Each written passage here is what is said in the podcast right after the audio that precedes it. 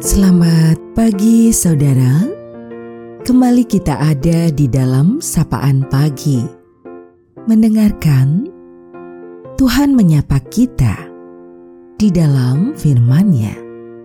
Namun sebelum kita mendengarkan sapaan firman Tuhan Kita akan berdoa terlebih dahulu. Terima kasih ya Tuhan penyertaan-Mu senantiasa dalam hidup kami. Hari baru kami miliki saat ini atas anugerah-Mu. Mampukan memaknainya di dalam kehidupan yang berserah kepadamu. Karena itu kami hendak belajar untuk mendengar Engkau di dalam firman-Mu. Dalam Tuhan Yesus, kami berdoa. Amin. Saudaraku, sapaan dalam firman Tuhan kita terima melalui Injil Markus pasal 2 di ayat 8. Tetapi Yesus segera mengetahui dalam hatinya bahwa mereka berpikir demikian.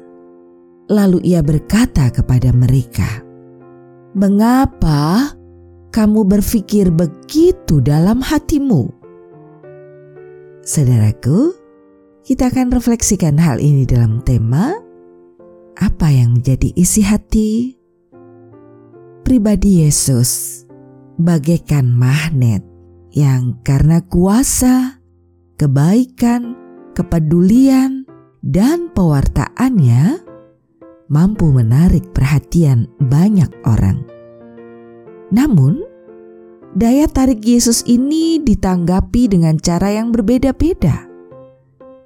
Hati yang dipenuhi dengan kepercayaan bahwa Yesus adalah pribadi yang akan menjawab kebutuhan dan memulihkannya, membuatnya bangkit dari kediamannya dan berjumpa dengan Yesus yang berada di Kapernaum. Maka orang tersebut mengalami kesembuhan dalam fisiknya, batin, maupun rohani, seperti yang dialami oleh si lumpuh, ataupun menyaksikan kebenaran sabda Allah.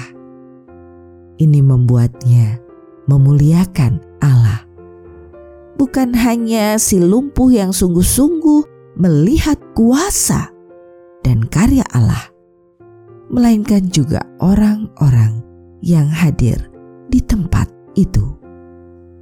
Berbeda saudara dengan hati dari beberapa ahli Taurat.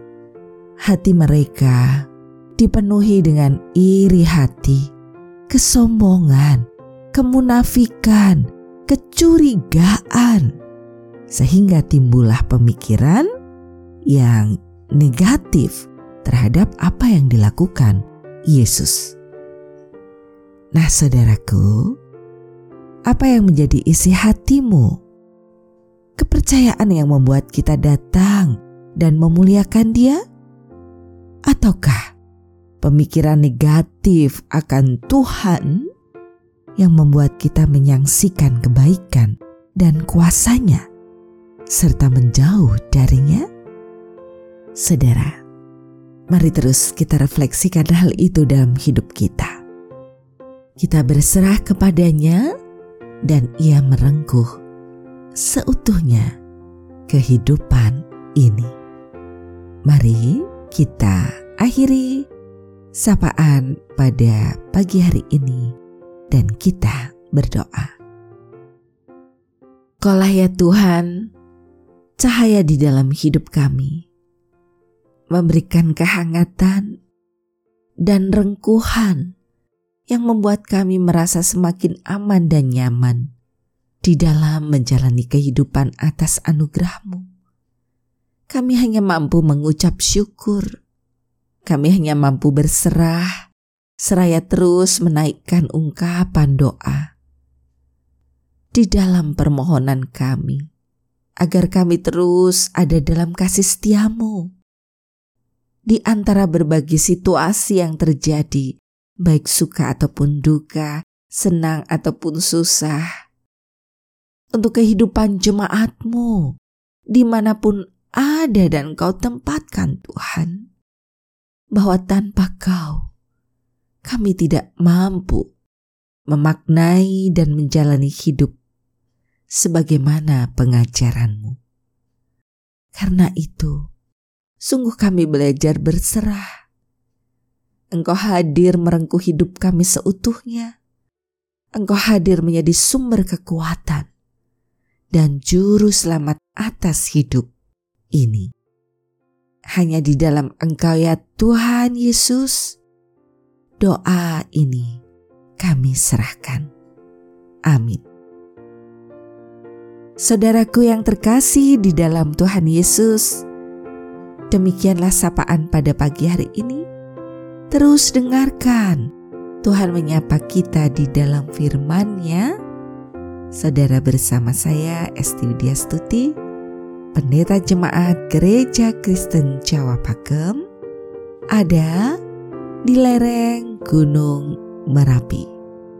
Tuhan memberkati.